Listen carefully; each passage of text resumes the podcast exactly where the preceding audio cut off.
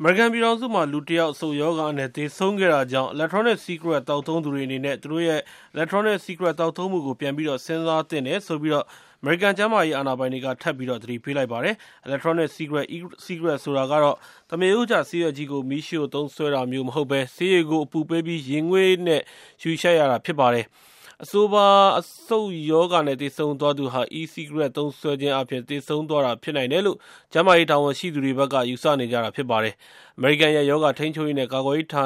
(CDC) အနေနဲ့အဆုတ်ရောဂါဖြစ်နေသူရာပေါင်းများစွာကိုစုံစမ်းစစ်ဆေးနေပြီးအဲဒီအဆုတ်ရောဂါဟာ Electronic Cigarette သောက်သုံးတာကြောင့်ဖြစ်နိုင်ဖွယ်ရှိတယ်လို့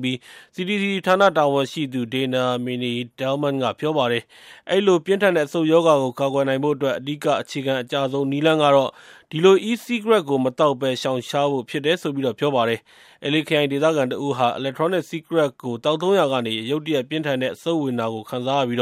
သေဆုံးသွားတယ်လို့ ကယ်လီဖိုးနီးယား ကျန်းမာရေး တာဝန်ရှိသူတွေက သောကြာနေ့မှာ ပြောပါတယ်။ဒါဟာ အဲဒီလို အဆုတ်ဝေဒနာနဲ့ သေဆုံးတဲ့၅ယောက်မြောက် သေဆုံးမှုလည်း ဖြစ်ပါတယ်။တကယ်လို့ သုံးစွဲဖို့ မလိုအပ်ရင် အခုအခါမှာ မသုံးစွဲဘဲနေကြဖို့နဲ့ မသိသေးတဲ့ အကြောင်းအချက်တွေ အများကြီး ရှိနေသေးတယ်လို့ LA ခရိုင် လူထုကျန်းမာရေးအရာရှိ Montu Davis က ပြောပါတယ်။